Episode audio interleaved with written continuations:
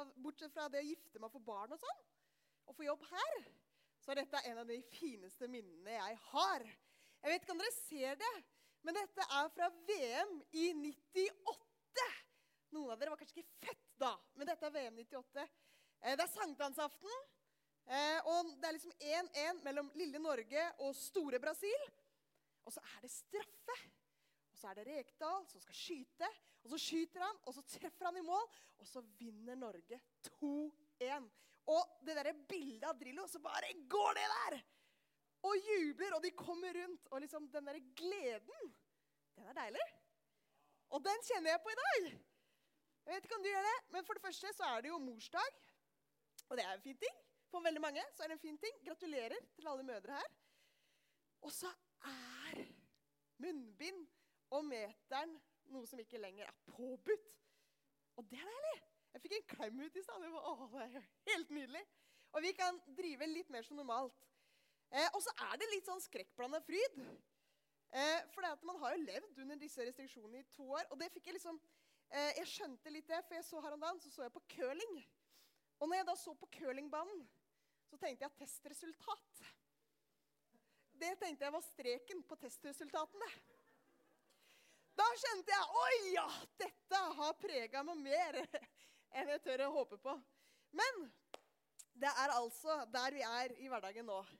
Eh, og kanskje så sitter du og tenker at åh, jeg har egentlig kost meg nå. Eh, det har vært litt mer rolig. Eh, kanskje du er introvert og så liker å, å, å, bruke tid med deg selv. Og kjenner at åh, dette er skummelt, det vi skal ut i nå. Eh, eller kanskje er du helt på andre sida bare jeg har lyst til å klemme alle. Eh, og liksom tenker at å, dette er så deilig, og jeg er så inspirert. Jeg vet ikke. Hvordan er det med deg? Og Sist gang så snakka jeg litt om sant, fra tørre ben til å bli levende igjen. Eh, og blomster og planter hjemme hos oss. Jeg snakka om at min svigerinne hun eh, kom og redda plantene hjemme hos oss. Og de er fortsatt grønne. Det er deilig. Eh, og det er noe med det at man kan føle seg vissen, og så kan man føle seg som en plante som blomstrer. Hvor er du akkurat nå?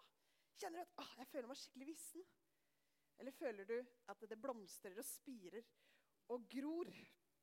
Se, jeg gjør, noe nytt, er tema i SMK nå denne våren. Og vi har en forventning om at Gud kan gjøre noe nytt både her, felles i menigheten, men også i hvert enkelt sitt liv. Det kan Gud gjøre. For Gud er en Gud i bevegelse. Han puster inn nytt liv, og han kan gi deg ny motivasjon, ny glede, ny inspirasjon. Og det er det som er så fint med Jesus. Og i dag så skal jeg snakke om en nådefull relasjon. Jesus han kommer med en nådefull relasjon. Og Jeg håper at det kanskje i løpet av eh, denne talen at du kjenner at det er noe nytt som spirer fram. At du blir inspirert. At det er noe nytt i din relasjon til Jesus som kan spire fram og gro. Og i livet så hender det at man liksom har sånne opplevelser. Viggo fortalte en sånn på G2 forrige søndag. Og jeg tenkte jeg skulle dele en historie fra mitt liv nå som eh, er litt sånn life-changing. Eh, og som liksom forandra litt mitt forhold til Jesus. Eh, og som hvordan noe nytt spirte fram i min relasjon til Jesus. Det var fredag, og før så jobba jeg, jeg i Bøle barnehage. Og så jobba jeg som prest på Gulset. Det var liksom, Jeg hadde en sånn blanda jobb. Eh, og fredag ettermiddag i barnehage, da er du rimelig sliten. Jeg må si all ære til dere som jobber i barnehage. Fantastisk. Og jeg kjente at nå skal jeg hjem.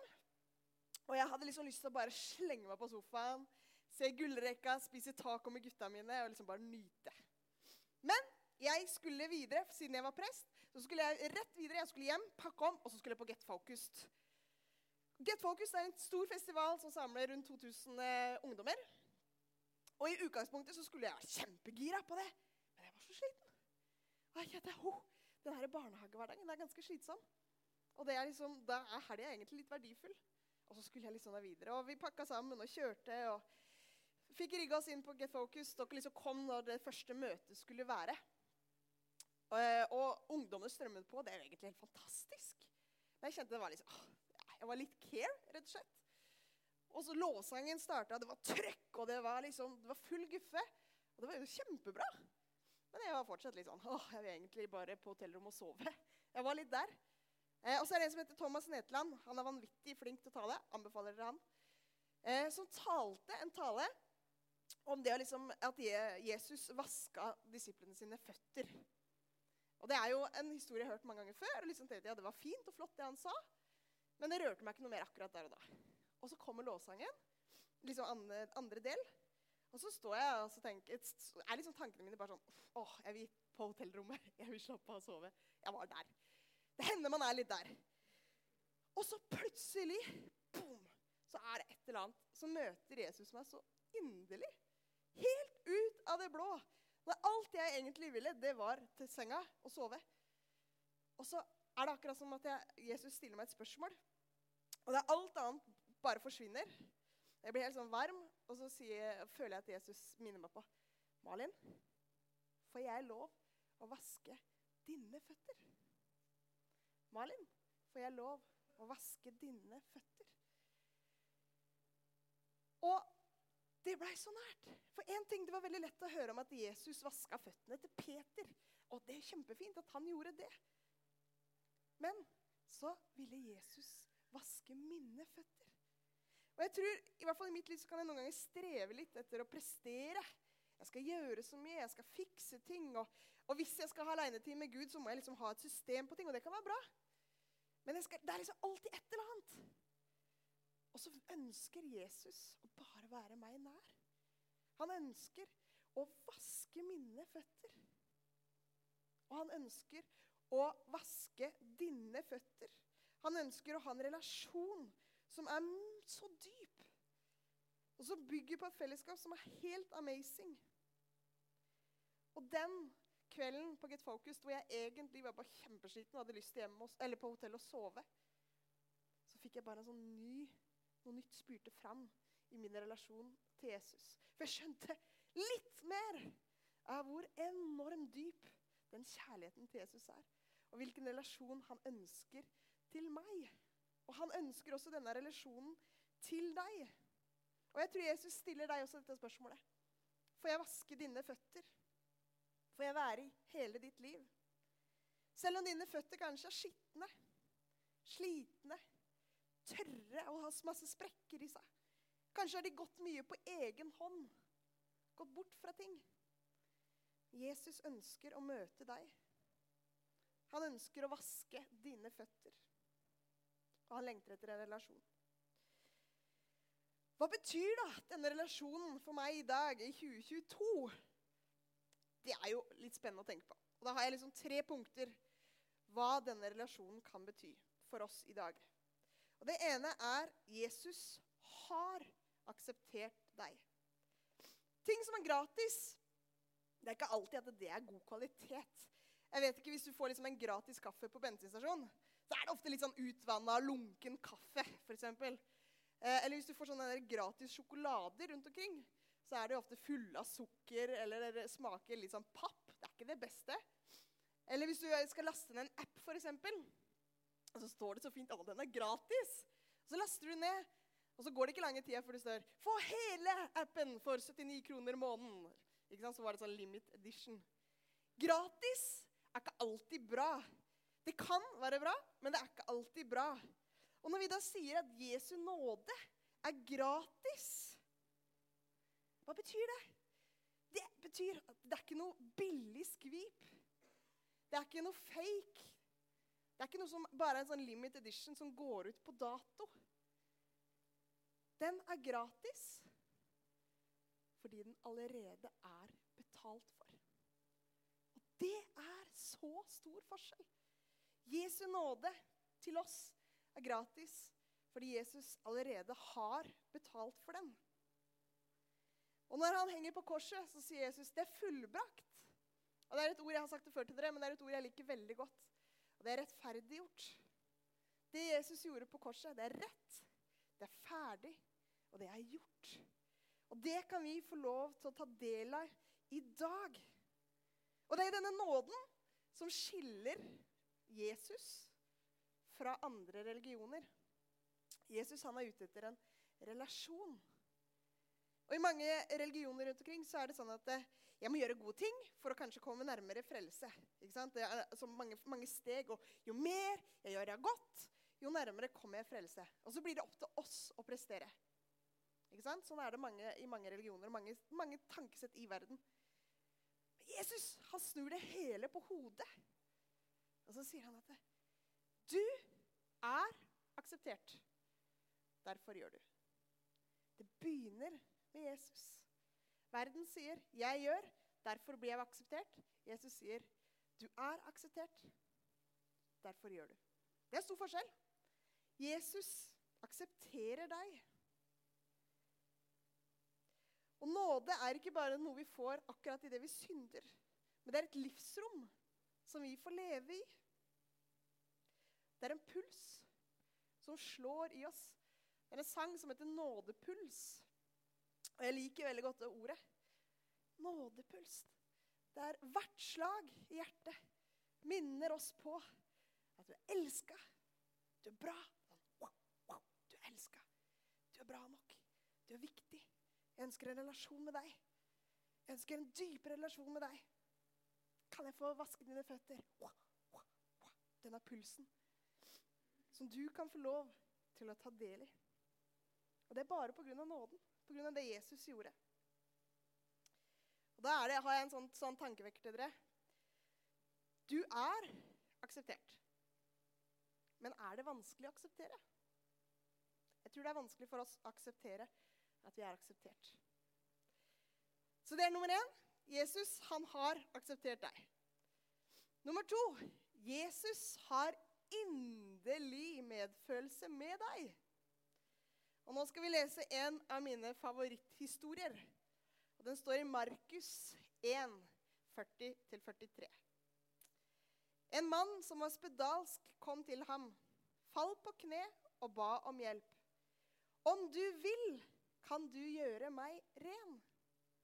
Jesus fikk inderlig medfølelse med ham, rakte ut hånden og rørte ved ham. Jeg vil, sa han.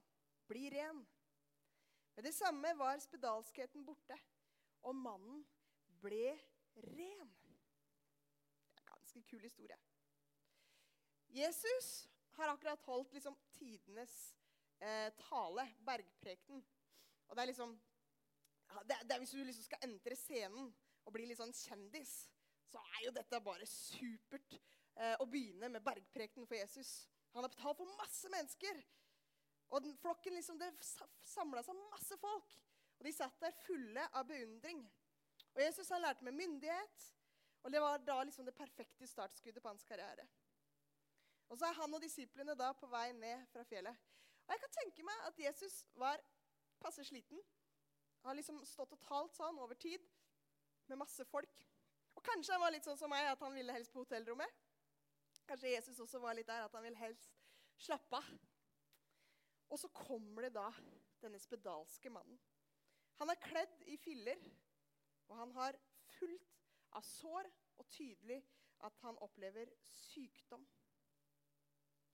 Og så er det så mange ting i dette møtet mellom denne spedalske mannen og Jesus som forteller så mye om Jesu relasjon, og hva Jesus er ute etter i vår relasjon.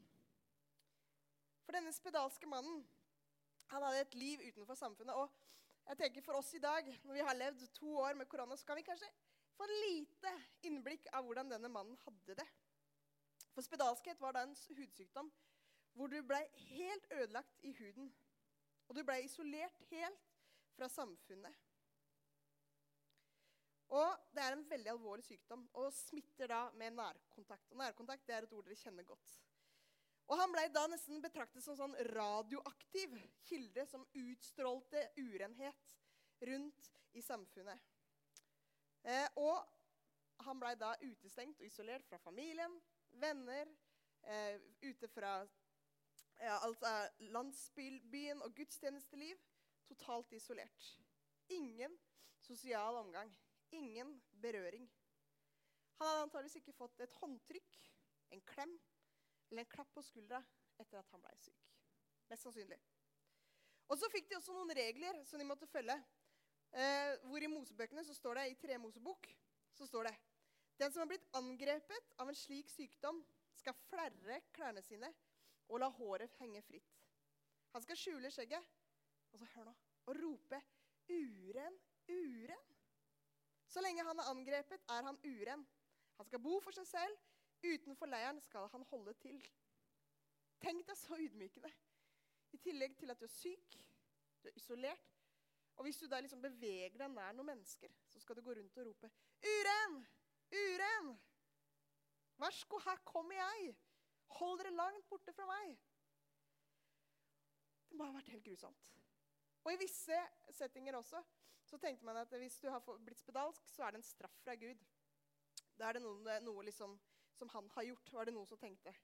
Og Kanskje han også gikk da og tenkte dette selv. Ah, hva er det jeg har gjort for å fortjene dette? Ikke sant? Det er grusomt å gå og bære på. Denne mannen må ha hatt det helt forferdelig. Men så kommer vendepunktet i hans liv. Et høydepunkt da noe nytt spirer fram. Og Jeg tenkte, jeg syns han er ganske modig.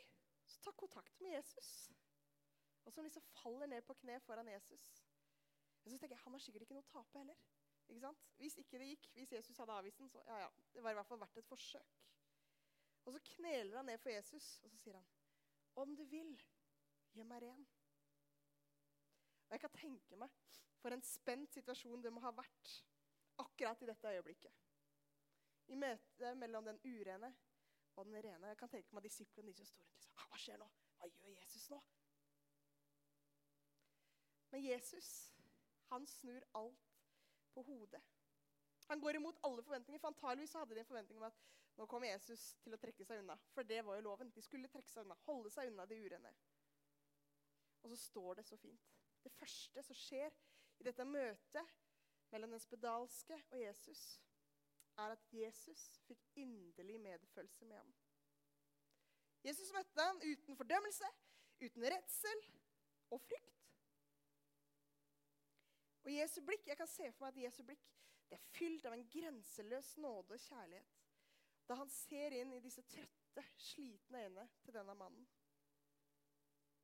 Og så er det bare sånn da, at Jesus Det er ikke bare at han syntes synd på ham, men han lot også det resultere i berøring. For Jesus, han strekker armen ut og rørte. Ved denne mannen som antakeligvis ingen andre ville røre med. Tenk deg åssen det må ha vært. Ikke blitt berørt på lang, lang tid. Og så er det noen som tar på deg. Det må være helt fantastisk. Og Jesus altså bare, han ofrer faktisk litt i dette møtet. For det står jo at eh, hvis du tar på en uren, så skal du bli smitta. sant? og i forhold til rykte og sånne ting, så vil jeg tenke at Jesus han utsetter seg faktisk litt her i det møtet han gjør her. Men han tar på denne mannen.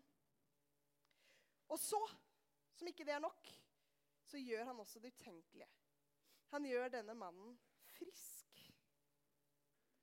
I stedet for at det var Jesus som ble uren, så var det denne spedalske mannen som blei ren. Og hans renhet, altså Jesus' renhet, vasker bort hans urenhet. Eller Jesu renhet vasker bort vår urenhet. Det er et fantastisk møte mellom denne mannen og Jesus. Og det forteller noe da, om Jesus og hvordan han ser på deg. Han ser på deg med et inderlig medfølende blikk.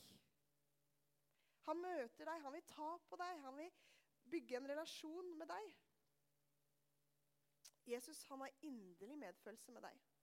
Han strekker ut hånden mot deg. Han vil tørke dine tårer. Han ser deg, og han vil la noe nytt spire frem. Han vil gi deg ny motivasjon, ny glede, nytt liv. Og hans medfølelse for deg er så sterk. at Jeg tror liksom aldri helt kommer til å fatte hvor enorm den kjærligheten og medfølelsen Jesus har til deg, er. For den er helt amazing.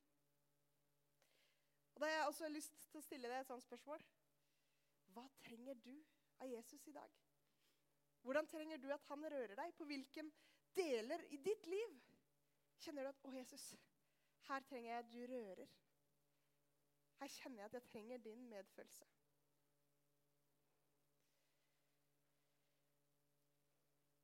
Og så det siste. Jesus vil være en del av din hverdag. Og det syns jeg er så kult med Jesus. For han, jo, han går jo ganske mye. Han vandrer jo en del. Eh, han, men han treffer folk der de er. I sin hverdag. Han traff Sakkeus under treet, og han traff liksom damen ved brønnen. Og han treffer også Peter der han liker aller best å være, nemlig i båten og fiske. Og nå skal vi lese denne historien når Peter og Jesus møtes. Og den står i Lukas 5, 1-11. En gang sto Jesus ved Genesaretsjøen, og folk trengte seg inn på ham for å høre Guds ord. Da fikk han se to båter som lå ved stranden. Fiskerne var gått ut av dem og holdt på å skylle garn. Jesus steg opp i en av båtene, den som tilhørte Simon, og ba ham legge litt ut fra land. Så satte han seg og underviste folkemengden fra båten. Da han var ferdig med å tale, sa han til Simon, 'Legg ut på dypet og sett garn til fangst.' 'Mester', svarte Simon, 'vi har strevd hele natten og ikke fått noe.' 'Men på ditt ord vil jeg sette garn.' Så gjorde de det, og fikk så mye fisk at garnet holdt på å revne. De ga tegn til arbeidslaget i den andre båten at de skulle komme og ta i med dem. Og da de kom, fylte de begge båtene, så de var nær ved å synke. Da Simon Peter så det, kastet han seg ned for Jesu føtter og sa, 'Gå fra meg, Herre, for jeg er en syndig mann.' For han og alle som var med ham, ble grepet av forferdelse over den fangsten de hadde fått. På samme måte var det med Sebedeus-sønnene Jakob og Johannes, som fisket sammen med Simon. Men Jesus sa til Simon, 'Vær ikke redd. Fra nå av skal du fange mennesker.' Og Så rodde de båten i land, forlot alt og fulgte han. Det er ikke sånn at Jesus står og 'Kom her, da. Jeg står her. Alle må komme hit. Hvis ikke så gidder ikke jeg å møte deg.' Nei, Jesus går og møter folk der de er i hverdagen. Og her er Jesus og møter Peter og kompisene hans. Han gjør det til en personlig relasjon. Og viser at det Peter driver med, det er viktig. Peter er viktig. Og her ser vi da Peter. Og han har fiska lenge og er sliten. Og så har de ikke fått nok fisk. Og han er jo sant, da, en fisker av yrke og er nok kanskje litt eh, flau og frustrert over da å ikke ha fått noe fisk. Kanskje han er også litt demotivert. Og så hører han da 'Legg ut på dypet og kast ut garnet'. Peter han hører jo det Jesus sier. Men jeg tenker Kanskje han blir litt skeptisk. Her er det liksom flere ting som skurrer. Altså Jesus fra Nasaret, du har jo ikke peiling på fisk. Hva kommer du her og sier, liksom? Og så midt på dagen. Og i tillegg legge oss ut på dypet. Hva er det du sier, Jesus? Men så gjør de det. De gjør det Jesus sier. Og så blir jo da det bare en skikkelig fiskefest. Hvor det liksom bare fylles opp med fisk i garnet, og det må komme flere til. For å hjelpe de med fangsten i land. Og så skjønner Peter ah, Og dette er jo litt typisk Peter. Han er jo en impulsiv type. Så bare, å, Kanskje, Hvem er dette, liksom? Hvem er det her? Er det, er det mesteren? Er det han vi har venta på? Er det Jesus? Og så møter han Jesus. Og så sier han da disse ordene, som jeg tror kanskje, kanskje noen ganger vi kan ha tenkt å si òg. Gå fra meg, Herre, for jeg er en syndig mann. Du kan ikke ha noe med meg å gjøre, du. Og så møter Jesus igjen Peter på en fantastisk måte, hvor han sier, 'Vær ikke redd'. Det må være så deilig for Peter å høre. Vær ikke redd. Og så gir han da Peter denne tidenes utfordring. Fra nå av skal du fange mennesker. Og Det høres jo litt sånn, det høres ut som et spill liksom, hvor du skal gå og fange mennesker. Eh, og så, så jeg liksom, ah, hva, hva, betyr dette egentlig? Men i Matteus, en annen bok i Bibelen, så er det samme historie, men der bruker de et annet ord. For der sier de 'menneskefiskere'. Altså de skal være menneskefiskere. Og kanskje er det litt mer forståelig, i hvert fall for Peter. For her snakker Jesus Peter sitt språk. Av menneskefiske? Ja, men da er vi litt på lag. Jeg skjønner. Fisk, det handler om å fiske. ikke sant? Samle inn. Og så skjønner Peter hva det handler om. For Jesus snakker Peter sitt språk. Han møter Peter i båten, og han bruker hans sitt språk sånn at han forstår i det som Peter mest sannsynlig elsker å gjøre. Jesus møter deg der du er, i din hverdag. Og jeg tror vi kanskje har lett for å tenke at å, hadde det bare vært da jeg var ung og hadde Jesus freak på buksa, da hadde det vært så mye lettere. Eller da jeg eh, gikk på bibelskole, eller da jeg var ung og hadde masse energi. Eller da jeg hadde bare jobba i kirke, eller hadde jeg bare vært misjonær. Så hadde det vært så mye enklere. Og at Jesus fikk del i min hverdag. Men Jesus han ønsker faktisk å ta del i din hverdag. Midt i bleieskift og amming. Midt i når du står og rører i gryta og skal lage mat, eller du står i kø på vei hjem fra jobb. I dusjen eller på fotballtrening. Der du er. I gleder, i forelskelse og alt som er bare helt topp. Også på det såreste og det vondeste. I sykdom. Eh, og hvis du kjenner at du liksom har noe kronisk sykdom, eller et eller annet, kjenner ah, livet er skikkelig tøft, Møte Jesus deg der. Når du ikke orker å stå opp fra senga, så møter Jesus deg også der. I din hverdag så ønsker Jesus å møte deg. Det er hans lengsel. Og det forteller noe om hans relasjon. Og hvor mye det betyr for oss i dag, i 2022. Jesus ønsker faktisk å være en del av vår hverdag. Ikke bare på søndag mellom 11 og 1, men faktisk hver eneste dag. Og han ønsker å minne deg på det med denne nådepulsen. Du er elska. Du er viktig. Du er ønska. Hvordan er det med din relasjon til Jesus i dag? Kanskje har du det veldig bra. Tenker at, Akkurat nå er min relasjon til Jesus kjempebra. Supert. Kanskje vet du ikke helt hvor du er. Du famler litt, tviler litt. Kjenner at ah, to år med korona har ikke gjort det veldig lett. Vært lite i kirka og lite fellesskap. Men kanskje lengter du tilbake til sånn det var. Og du var så ivrig. Du var så med. Det var så mye spennende som skjedde i din trosreise. Og så glippa det et eller annet sted. Og så ønsker du deg tilbake til det. Eller kanskje har du aldri hatt en relasjon. Og det der med Jesus er liksom fjernt. og Det er liksom ikke, det er ikke noe du har catcha. Men Jesus lengter etter relasjon med deg. Og han ønsker at det skal spire noe nytt fram i din relasjon. Og jeg håper og ber om at denne våren så kan det spire noe nytt fram i ditt liv. I din relasjon til Jesus. Med det utgangspunktet du har.